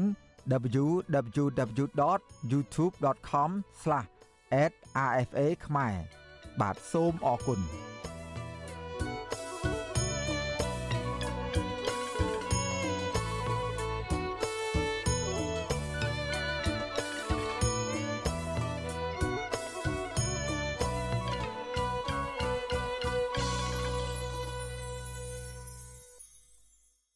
បាទជាបន្តទៅទីនេះយើងផ្ដោតទៅលើសេចក្តីរាយការណ៍ដែលពាក់ព័ន្ធនឹងបញ្ហារបស់កម្មកររោងចក្រវិញ។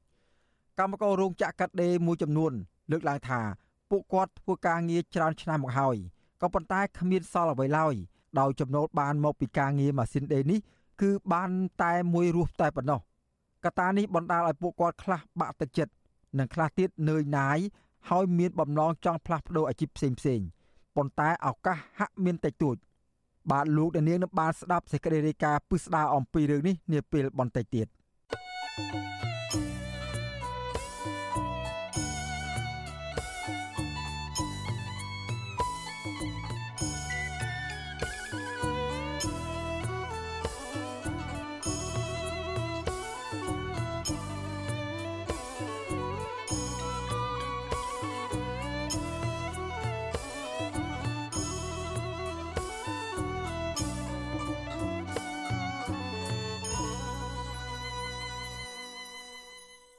បាទលោកអ្នកនាងកញ្ញាជាទីមេត្រីចំពោះសេចក្តីរាយការណ៍ពាក់ព័ន្ធនឹងបរិស្ថានពីភីអេដយនៅវិញក្រមយុវជនរកឃើញថារដ្ឋមន្ត្រីក្រសួងបរិស្ថានថ្មីអសមត្ថភាពក្នុងការការពារព្រៃព្រះរកាដើមឈើធំធំ មានអាយុកាលរាប់រយឆ្នាំស្ថិតនៅក្នុងតំបន់ដែនជម្រកសត្វព្រៃព្រះរកាក្នុងខេត្តព្រះវិហារដែលគ្រប់គ្រងដោយក្រសួងបរិស្ថាន កំពុងទទួលរងការកាប់ផ្ដួលរំលំធ្វើអាជីវកម្មជាបន្តបន្ទាប់ ក្រុមយុវជនដែលធ្វើដំណើរដល់ទីតាំងបទល្មើសព្រៃឈើទាំងនេះបានថតវីដេអូនិងរូបភាពបង្ហោះតាមបណ្ដាញសង្គម Facebook ផ្ដាំប្រាប់ទៅមន្ត្រីក្រសួងបរិស្ថានថ្មី គឺលោកអៀងសុផាឡែតថាអសមត្ថភាពថែទាំភោគទ្រព្យធម្មជាតិបាទយើងប្រកូលនាទីនេះជូនដល់លោកមេរិតរាយការណ៍អំពីរឿងនេះជូនលោកនាងពីរដ្ឋធានី Washington ក្រុមអ្នកស្លាញ់បរិស្ថានមើលឃើញថាបើទោះបីជាមានការផ្លាស់ប្ដូរនាយករដ្ឋមន្ត្រីថ្មីនិងរដ្ឋមន្ត្រីក្រសួងបរិស្ថានថ្មីយ៉ាងណាក្តីក៏វិបត្តិព្រៃឈើនៅក្នុងតំបន់ដែនជម្រកសត្វព្រៃព្រះរកានៅតែមិនទាន់អាចដោះស្រាយបានដដែល ពួកគេសោកស្ដាយដែលដើមឈើធំធំ ដែលដូនតាខំថែរក្សារាប់រយឆ្នាំមកហើយនោះបែរជារងនឹងការបំផ្លិចបំផ្លាញនៅក្នុងសម័យនេះដោយគ្មានការទទួលខុសត្រូវ សកម្មជនសិទ្ធិមនុស្សនិងបរិស្ថានលោកម៉ាចត្រាប្រាប់វិសុវអាស៊ីស្រីនៅថ្ងៃទី13ខែធ្នូថាមន្ត្រីជំនាញមានតួនាទីអភិរក្សព្រៃព្រះរកាតែបែរជាមិនអាចការពារព្រៃអភិរក្សមួយនេះបាន លោកថារដ្ឋាភិបាលត្រូវទទួលខុសត្រូវនៅចំពោះមុខប្រវត្តិសាស្ត្រប្រលឹងដូនតានិងការប្រែប្រួលអាកាសធាតុដែលប៉ះពាល់ដល់សង្គមជាតិរយៈពេលវែងអញ្ចឹងយើងមើលប្រៃយើងយើងអសូរដូនតាយើងខំកសាងហេតុអីគាត់មកចង្រៃត្រឹមសម័យនេះមិននាំគ្នាខំជួយការពារហើយអ្នកមានទួនាទីអ្នកមានបុណ្យស័ក្តិដែលត្រូវការពារតំបន់នេះมันអាចការពារបានអានោះយើងមានការសោកស្ដាយមែនទែនអញ្ចឹងវាឆ្លុះបញ្ចាំងពីរដ្ឋាភិបាលគេថារដ្ឋាភិបាលបែបកជឿធ្លុះជាគេដូនតា ខំថែរក្សារាប់រយឆ្នាំប៉ុន្តែបែរមកបង្ហិនបង្ហើយនៅសម័យនេះយើងអាចនិយាយថារដ្ឋាភិបាលក៏ជឿធ្លុះថ្មីថ្មីនេះក្រមយុវជនឆ្លាញ់បរិស្ថាន និងពជាសហគមន៍ជិត10នាក់បានចុះឃ្លាំមើលស្ថានភាពព្រៃឈើនៅក្នុងដែនជម្រកសត្វព្រៃព្រះរការយៈពេល5ថ្ងៃ4យប់ចាប់ពីថ្ងៃទី8ដល់ថ្ងៃទី12ខែធ្នូ ពួកគេប្រទះឃើញដើមឈើមុខកាត់ជាង2ម៉ែត្រជាច្រើនដើមត្រូវគេកាប់ផ្ដួលអាជ្រៀកនៅក្នុងព្រៃធ្វើអាជីវកម្មស្ថិតនៅចំណុចអូស្កាចក្នុងស្រុកជាំខ្សានរីឯក្រុមជនល្មើសជាច្រើនក្រុមបានបោះតង់អាឈើនៅក្នុងព្រៃដោយមានរណាយន្តនិងភ្លើងសូឡាជាមធ្យោបាយប្រព្រឹត្តបទល្មើសព្រៃឈើស្ទើរគ្រប់តំបន់នៅក្នុងដែនអភិរក្សនេះដោយគ្មានការអនុវត្តច្បាប់ ពជាសហគមន៍ការពារព្រៃព្រះរកាថ្លែងសុំមិនបញ្ចេញឈ្មោះព្រោះខ្លាចមន្ត្រីបរិស្ថានធ្វើបាបសង្កេតឃើញថាក្រុមជនល្មើសយកគោយន្តនិងសម្ភារៈអាចឈើចូលព្រៃព្រះរកាដើម្បីដេកប្រចាំការប្រព្រឹត្តបទល្មើសព្រៃឈើខົບខិតជាមួយមន្ត្រីបរិស្ថានពជាសហគមន៍រូបនោះថាមន្ត្រីបរិស្ថានតែងតែរៀបរៀងនិងគម្រាមកំហែងសហគមន៍មិនឲ្យចុះល្បាតព្រៃក៏ប៉ុន្តែក្រុមអ្នកអាឈើបែរជាចូលព្រៃយ៉ាងងាយស្រួលទៅវិញ មន្ត្រីបរិស្ថានចូលទៅដល់ក្នុងព្រៃហើយចេញមកវិញបែរជាគ្មានរឿងអីធម្មតាកើតឡើងខ្ញុំគិតថាគាត់នឹងគាត់សម្រាប់គាត់ក៏លឺដេកក្នុងព្រៃគាត់ក៏លឺសំឡេងម៉ាស៊ីនដែរប៉ុន្តែអ្វីដែលដែលយើងសហគមន៍មើលឃើញថាគាត់មានដូចជាគ្មានឆន្ទៈក្នុងការការពារដូចដែលអ្វីជាកាតព្វកិច្ចដែលគាត់ត្រូវធ្វើវិសុវអាស៊ីស្រីមិនអាចតាក់ទងសុំការបំភ្លឺរឿងនេះពីរដ្ឋមន្ត្រីក្រសួងបរិស្ថាន លោកអៀងសុផាឡែតនិងអភិបាលខេត្តព្រះវិហារ លោកគឹមរទ្ធីបាននៅឡើយទេនៅថ្ងៃទី13ខែធ្នូរីឯនាយកដែនជំរកសត្វព្រៃព្រះរកាលោកយ៉ានប៊ុនសឿនក៏វិសុវអាស៊ីស្រីមិនអាចតាក់ទងសុំការអធិប្បាយបានដែរនៅថ្ងៃដដែលនេះ ជុំវិញរឿងនេះមន្ត្រីពង្រឹងសិទ្ធិអំណាចសហគមន៍មូលដ្ឋាននៃសមាគមអាត់ហុកលោកប៉ែនប៊ុនណា សង្កេតឃើញថាបទល្មើសព្រៃឈើនៅតែកើតមានឡើងច្រើនដដែលស្ទើរតែคล้ายជាទម្លាប់ទៅហើយដែលរដ្ឋាភិបាលអាណត្តិថ្មីនេះមិនទាន់ដោះស្រាយឲ្យមានប្រសិទ្ធភាពនៅឡើយទេទីតនភាពបូកនឹងមួយពុកលួយនឹងវាធ្វើឲ្យគ្រប់បទល្មើសទាំងអស់អាចបន្តដំណើរទៅមុខដោយមិនមានការទប់ស្កាត់ព្រោះវាជាទម្លាប់ ទៅហើយរាប់ឆ្នាំមកហើយដែលបាត់ល្មើសព្រៃឈើហ្នឹងត្រូវបានកាប់រំលំដឹកយកទៅក្រៅប្រទេសហ្នឹងរាប់ពាន់រាប់ម៉ឺនរាប់សែនម៉ែត្រគីបរបាយការណ៍អង្កេតលើកទី2របស់ក្រុមអ្នកស្រាវជ្រាវនៃសាកលវិទ្យាល័យ Copenhagen នៅប្រទេសដាណឺម៉ាកបង្ហាញថាកម្ពុជាបាត់បង់ព្រៃឈើអស់ជាង140,000ហិកតា កាលពីឆ្នាំ2020ក្នុងនោះការបាត់បង់គម្របព្រៃឈើនៅក្នុងដែនជម្រកសត្វព្រៃព្រៃឡង់ កើនឡើង22%ព្រៃព្រះរកាកើនឡើង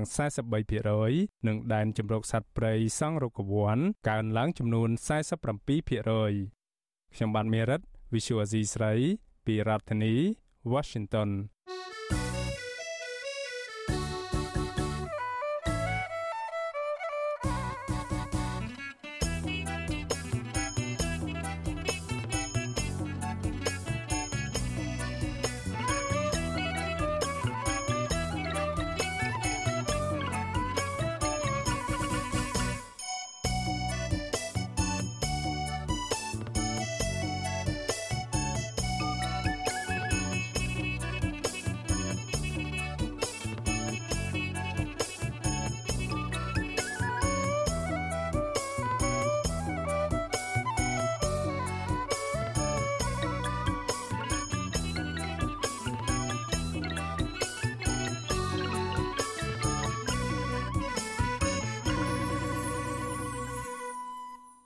បាទឥឡូវនេះយើងក្រឡេកមកមើលបញ្ហារបស់កម្មកររោងចក្រវិញម្ដង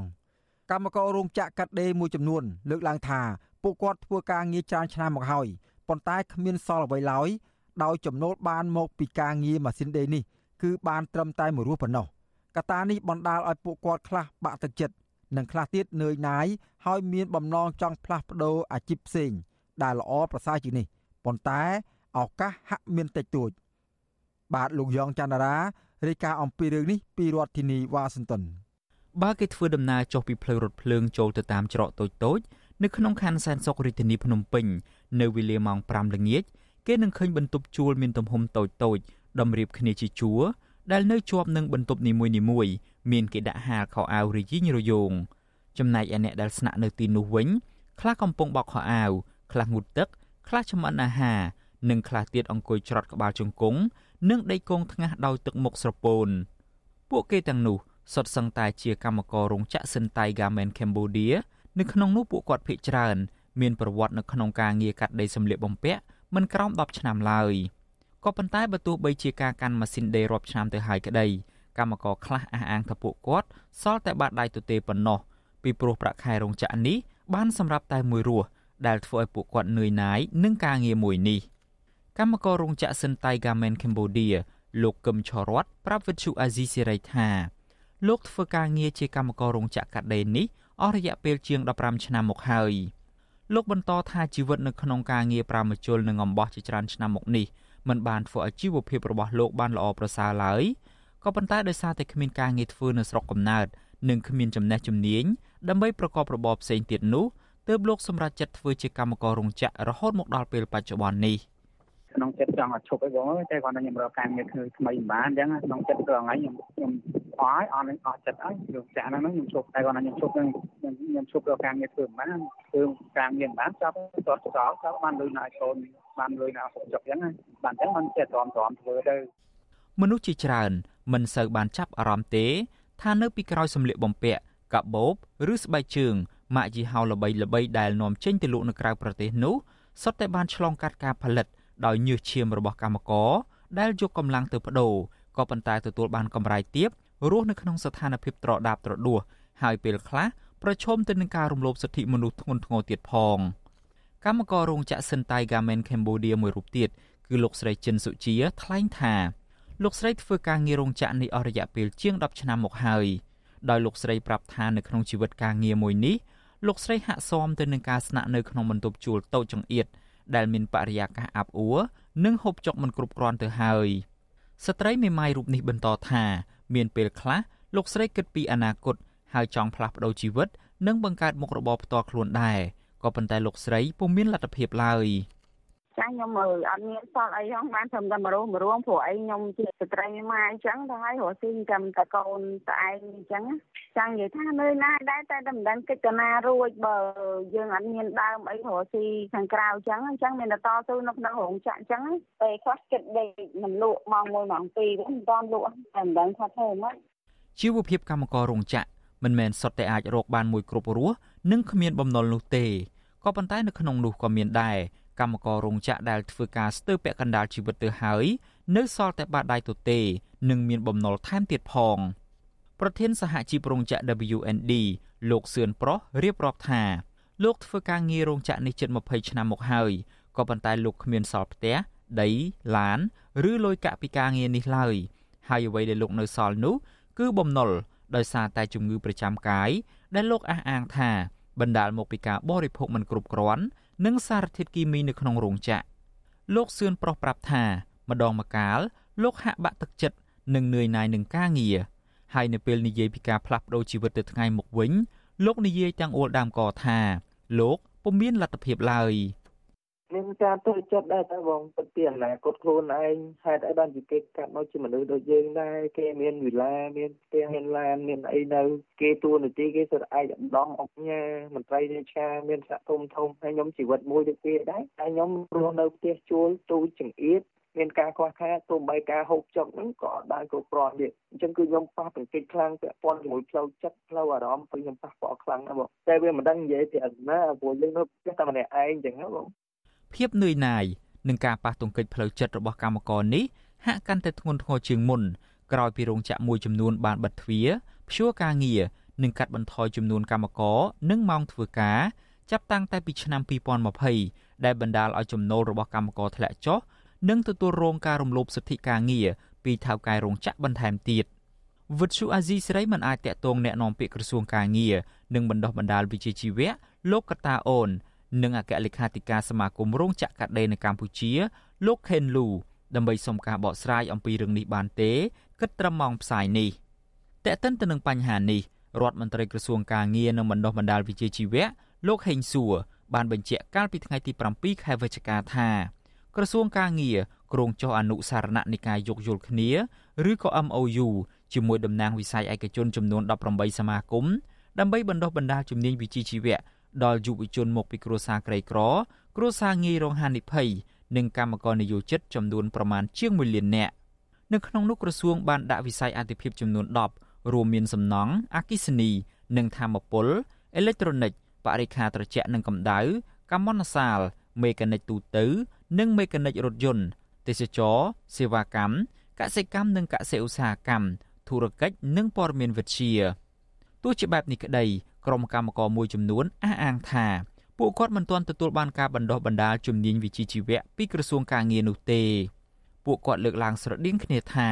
កម្មវិធីបណ្ដុះបណ្ដាលជំនាញដល់កម្មករនេះទំនងជាការបោកប្រាស់របស់លោកហេងសួរប៉ុណ្ណោះពីព្រោះកន្លងទៅរដ្ឋមន្ត្រីក្រសួងការងាររូបនេះច្រើនតែខ្វល់ខ្វាយពីប្រាក់ចំណេញរបស់ថៅកែជាជាងកម្មករជាក់ស្ដែងកាលពីកិច្ចប្រជុំចុងក្រោយរបស់ក្រមប្រឹក្សាជាតិប្រាក់ឈ្នួលអបបរមា កាលពីថ្ងៃទី28ខែកញ្ញាឆ្នាំ2023លោកហេងសួរបានបោះឆ្នោតគាំទ្រតួលេខដំឡើងប្រាក់ឈ្នួលអបបរមាឲ្យកម្មករចំនួន202ដុល្លារដែលកើនឡើងតែ2ដុល្លារប៉ុណ្ណោះសម្រាប់ឆ្នាំ2024ហើយកម្មករមិនពេញចិត្តចំពោះតួលេខនេះឡើយដោយសារតែតម្លៃទំនិញគ្រប់មុខដែលលក់នៅលើទីផ្សារឡើងថ្លៃកប់ពពកតែកតិនទៅនឹងរឿងនេះប្រធានសហភាពការងារកម្ពុជា លោកអាត់ធុនទទួលស្គាល់ថា កម្មកររោងចក្រភ ieck ច្រើន កំពុងប្រឈមបញ្ហាសុខភាពផ្លូវកាយនិងផ្លូវចិត្តដោយសារមកពីការធ្វើការងារលើសកម្លាំងសម្ពាធពីលក្ខខណ្ឌការងារនិងទទួលបានប្រាក់ចំណូលទាបមិនអាចដោះស្រាយជីវភាពគ្រួសារបានលោកបន្តថាបញ្ហានេះតម្រូវឲ្យក្រសួងការងារចរចាដំឡើងប្រាក់ខែគោលដល់កម្មករឲ្យបានខ្ពស់ជាងនេះនិងមានផែនការជាក់លាក់នៅក្នុងការបង្កើតវគ្គបណ្ដុះបណ្ដាលជំនាញទៅដល់អ្នកដែលមានបំណងចេញទៅប្រកបមុខរបរផ្សេងទៀត ការបន្តបណ្ដាលវិជ្ជាជីវៈដែលរដ្ឋាភិបាលបានប្រកាសថាបន្តបណ្ដាលមកលៀន5សែននាក់នោះវាគ្រាន់តែជា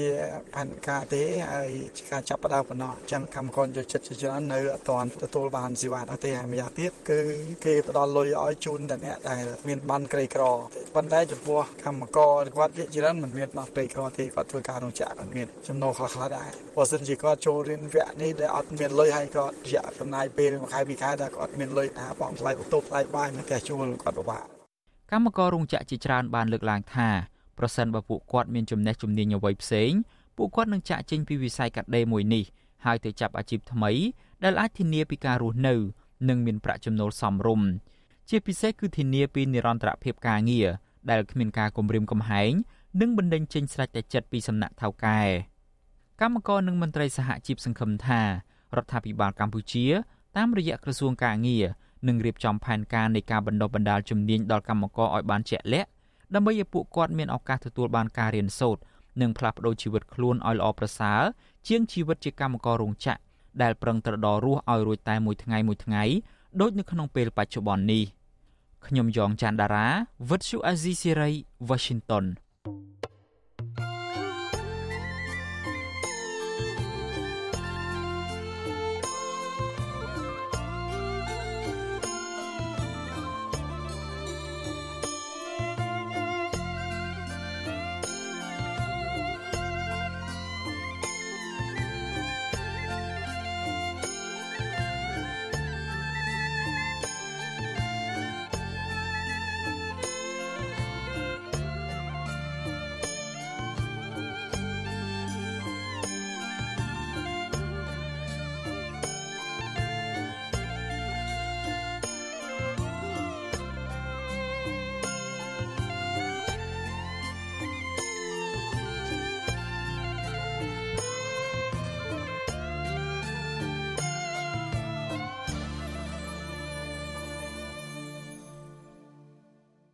បាទលោកអ្នកនាងកញ្ញាជាទីមេត្រីកត្តាជីវភាពខ្វះខាតធ្វើឲ្យអ្នករត់កង់3ឬតុកតុកមួយចំនួននៅភ្នំពេញត្រូវបង្ខំចិត្តចេញរកស៊ីដឹកភ្ញៀវទាំងប្រថុយប្រឋាននៅពេលយប់ទោះបីជាពេលខ្លះពួកគេប្រឈមនឹងបញ្ហាចោរកម្មនិងជន់ឆោបបោកជាញឹកញាប់ក៏ដោយមន្ត្រីសង្គមស៊ីវិលថាអាញាធរពពាន់គួរតែគិតគូរសវត្ថភាពសម្រាប់អ្នករកស៊ីក្រៅប្រព័ន្ធឲ្យបានត្រឹមត្រូវជាជាងទុកពួកគាត់ចោលបាទអ្នកស្រីម៉ៅសុធីនី រាយការណ៍ពីស្ដារអំពីរឿងនេះពីរដ្ឋធានីវ៉ាស៊ីនតោនអ្នកប្រកបរបរសេដ្ឋកិច្ចក្រៅប្រព័ន្ធមួយចំនួន នៅតាមដងផ្លូវនិងសួនសាធារណៈក្នុងរាជធានីភ្នំពេញដូចជាអ្នកលក់ដូរចាប់ហួយនិងអ្នករត់រមាក់កង់3ជាដើមប្រឹងត្រដររកស៊ីទាំងយប់ចាប់ពីម៉ោង6ល្ងាចដល់ម៉ោង7ព្រឹកទោះបីពេលខ្លះប្រឈមអំពើចោរកម្មនិងការឆោបោកពីជនខលខូចនោះក្តី។ កំពុងដេកចាំព្យានៅលើកង់3របស់ខ្លួននៅម៉ោង9យប់នៅជាប់ផ្សារស្ទឹងមានជ័យលោកលោះសន្រាបច្ចុប្បន្នរស់នៅក្នុងសង្កាត់ស្ទឹងមានជ័យក្រុងភ្នំពេញប្រាប់បច្ចុប្បន្នស៊ីស្រីថាលោកប្រកបរបររត់កង់3ជាង5ឆ្នាំមកហើយដោយរត់តែពេលយប់ប៉ុណ្ណោះដោយសារលោកត្រូវទទួលបន្ទុកមើលថែទាំកូននៅឯផ្ទះចំណែកឯប្រពន្ធធ្វើការងារនៅរោងចក្រពេលថ្ងៃបរិវ័យ40ឆ្នាំមកពីខេត្តកំពង់ស្ពឺរូបនេះ លើកឡើងថាលោកចេញរត់កង់3ចាប់ពីម៉ោង6ល្ងាចរហូតដល់ម៉ោង7ព្រឹកទៅចូលផ្ទះវិញ លោកថាជារៀងរាល់ថ្ងៃរកចំណូលបានជាមធ្យមពី30000ទៅ50000រៀលក្នុងមួយយប់បរោះដែលមានកូន2នាក់ក្នុងបន្ទុករូបនេះឲ្យដឹងទៀតថាការចេញរត់កង់3នៅពេលយប់ពេលខ្លះលោកស្ទើរតែបាត់បង់ជីវិតដោយសារតែត្រូវចោលលួចឆក់ទូរស័ព្ទនិងគំរាមទាលុយជាញឹកញាប់ ខណៈភ្ញៀវខ្លះទៀតមិនព្រមឲ្យលុយនោះទេ ហើយហក់ចុះពីលើកង់3រត់គេចខ្លួនបាត់ត្រមោលក៏មានហានិភ័យខ្ពស់ដោយសារពេលយប់ភាគច្រើនដំបូងអ្នកសវឹងអីចឹងទៅណាខ្លាចយើងខ្លាចប៉ះពីហើយទី2ជួនកាលយើងដឹកទៅជួនកាលបានលុយទៅជួនកាលអត់លុយទៅហើយទី2ភាគច្រើនបញ្ហាចោលឆក់ជួនកាលចោលឆក់លើលើកង់3ឆក់ឆក់បបោកឬក៏ទូរស័ព្ទភ្ញៀវទៅបាទ ដល់ពេលអញ្ចឹងរត់យប់មានហានខ្លាំងប៉ុន្តែជំនិចយើងត្រូវវារត់បើអត់រត់វាមានចំណូលចូលផ្ទះពេលប្រាប់ម្នាក់ទៀតកំពុងតែដេកលេងទូរស័ព្ទនៅលើរមាក់កង់3របស់ខ្លួននៅម៉ោង7:10យប់នៅក្បែរបរិយាចំការដងខណ្ឌដង្កោលោកច័ន្ទកុសលអះអាងថាលោកប្រកបរបររត់កង់3ទាំងប្រថុយប្រឋាននៅពេលយប់គឺដោយសារតែជីវភាពខ្វះខាត ហើយលោកត្រូវរកលុយដើម្បីបង់ថ្លៃធនាគារការសិក្សារបស់កូន ហើយនឹងថ្លៃផ្ទះជួលជាដើម ដែលត្រូវចំណាយចន្លោះពី300ទៅ400ដុល្លារក្នុងមួយខែលោកកសលមានស្រុកកំណើតនៅខេត្តតាកែវមានកូនម្នាក់នៅក្នុងបន្ទុកឲ្យដឹងទៀតថាអ្នករត់កង់3ភាគច្រើនបារម្ភពីសុវត្ថិភាពខ្លាំងនៅពេលយប់ជ្រៅហើយលោកពំសៅហ៊ានទទួលភ្ញៀវដែលហៅផ្ទាល់នោះទេដោយសារភាគច្រើន គឺសម្បូរទៅដោយក្រុមក្មេងទំនើងនិងជនឆោបបោកដែលលោកធ្លាប់ជួបជាញឹកញាប់ចំណែកភ្ញៀវដែលលោកទទួលដឹកសម្រាប់តែភ្ញៀវដែលបានកក់តាមរយៈអាបរបស់ក្រុមហ៊ុនប៉ុណ្ណោះលោកក៏ទទូចអាជ្ញាធរនៅតាមខណ្ឌនីមួយៗគួរតែដាក់បង្រៀនកងកម្លាំងប៉ូលីសយាមកាមតាមផ្លូវឲ្យបានច្រើន ដើម្បីងាយស្រួលអបរដ្ឋស្វែងរកអន្តរាគមន៍ឲ្យបានលឿននៅពេលដែលជួបប្រទះបញ្ហាចោរកម្មឬអំពើហិង្សាជាដើម យើងបន្ថយបន្ថានខ្លះដែរអានឹងបញ្ហាហ្នឹងវាមិនមែនថាមានសុវត្ថិភាពរហូតទេបើយើងយប់ប្រលប់វាចូលមុខនឹងបញ្ហាគ្រោះថ្នាក់ចរាចរណ៍ផងអីផងវាមើលមិនឃើញអញ្ចឹងណានឹងបើសិនជាមានខាងប៉ូលីសខាងអីគាត់គាត់បង្រាយកម្លាំងអីពេលយប់ប្រលប់អីជួយការពារសន្តិសុខក៏វាល្អមួយយ៉ាងដែរតកតងនឹងកង្វល់របស់បរដ្ឋរត់កង់3នេះ អ្នកនាំពាក្យសាលារាជធានីភ្នំពេញលោកមេតមាសភក្តីប្រាប់វិទ្យុស៊ីស្រីតាមប្រព័ន្ធ Telegram នៅថ្ងៃទី12ខែធ្នូដោយសរសេរយ៉ាងខ្លីថាករណីចារកម្មឬការឆោបោកនេះអាញាធរពពាន់បានដោះស្រាយជាហូរហែហើយលោកថាបើសិនជាមានករណីនេះមែនអាចដាក់ពាក្យបណ្ដឹងមកអាញាធរពពាន់ ទោះយ៉ាងណាអ្នករត់រមាក់កង់3នៅក្នុងរាជធានីភ្នំពេញភ ieck ច្រើនប្រាប់បច្ចុប្បន្នស៊ីស្រីស្តីងគ្នាថានៅពេលដែលពួកគេជួបបញ្ហាចោរកម្មឬបញ្ហាភៀមិនព្រមបង់លុយឲ្យនោះគឺតែងតែមានការទាស់សម្ដីប្រាំអំពើហិង្សាឲ្យពួកគាត់តែងតែដាក់ពាក្យប្តឹងទៅអាជ្ញាធរតាមខណ្ឌនៅកន្លែងកើតហេតុក៏ប៉ុន្តែពុំបានទទួលដំណោះស្រាយនោះឡើយផ្ទុយទៅវិញពួកគេអះអាងថាមានអ្នករត់កង់3ខ្លះ ប្រឈមការប្តឹងផ្តល់និងការចាប់ខ្លួន ដើម្បីទារលុយពីសំណាក់ប៉ូលីសយាមកាមនៅពេលយប់ដោយសារតែមានភ្ញៀវខ្លះលួចដាក់គ្រឿងញៀនក្នុងរមាក់កង់3របស់ពួកគាត់ហើយនៅពេលដែលភ្ញៀវចុះបាត់ទៅ គេឃើញប៉ូលីសចេញមុខស្ទាក់ចាប់អ្នករត់កង់3រួចចោទថាជាអ្នកជួញដូរគ្រឿងញៀនតែកតិននឹងរឿងនេះប្រធានសមាគមប្រជាធិបតេយ្យឯករាជ្យនៃសេដ្ឋកិច្ចក្រៅប្រព័ន្ធលោកវុនពៅ ប្រាប់បច្ចុប្បន្នស៊ីស្រី នៅថ្ងៃទី12ខែធ្នូថាករណីចោរកម្មការឆោបោកនិងការប្រើអំពើហិង្សាលើអ្នករកស៊ីក្រៅប្រព័ន្ធជាពិសេសគឺអ្នករត់រមាក់កង់3នេះគឺជាបញ្ហាមួយក្នុងចំណោមបញ្ហាជាច្រើនដែលអាជ្ញាធរពាក់ព័ន្ធគួរតែរកដំណោះស្រាយជូនពួកគាត់ ហើយចំណុចមួយទៀតរដ្ឋគួរតែរៀបចំបង្កើនសេវាទេសចរក៏ដូចជាសេវាកម្មធ្វើយ៉ាងណាឲ្យសេដ្ឋកិច្ចដំណើរការល្អឡើងវិញឲ្យពួកគាត់រកប្រាក់ចំណូលបានខ្ពស់អញ្ចឹងគាត់កាត់បន្ថយនៃការប្រកបមុខរបរលើសម៉ោងដោយសពថ្ងៃនេះហើយអញ្ចឹងខ្ញុំគិតថាវាជាចំណុចមួយដែលរដ្ឋត្រូវគិតគូរផងដែរអ្នកប្រកបរបររត់រមាក់កង់3ឬតុកតុកភ្នាក់ច្រើនរំពឹងថារដ្ឋាភិបាលនឹងគិតគូរដល់ពួកគាត់តាមរយៈការផ្ដល់កិច្ចគាំពារសង្គម និងការធានានៅសុខសុវត្ថិភាពជូនពួកគាត់ឲ្យបានត្រឹមត្រូវលោកវុនពៅឲ្យដឹងទៀតថាអ្នករត់កង់3ទូទាំងប្រទេស មានប្រមាណ20000នាក់ក្នុងនោះ គឺ10000នាក់ជាសមាជិកសមាគមរបស់លោកលោកវុនពៅបញ្ជាក់ថាអ្នករត់កង់3ប្រមាណ90%ជាប់បំណុលហើយពួកគេជួបការលំបាកខ្លាំងមួយរយៈចុងក្រោយនេះដោយសារតែរកប្រាក់ចំណូលមិនសូវបាន។ ចានាងខ្ញុំម៉ៅសុធានីវិទ្យុអាស៊ីស្រីប្រធានាធិបតី Washington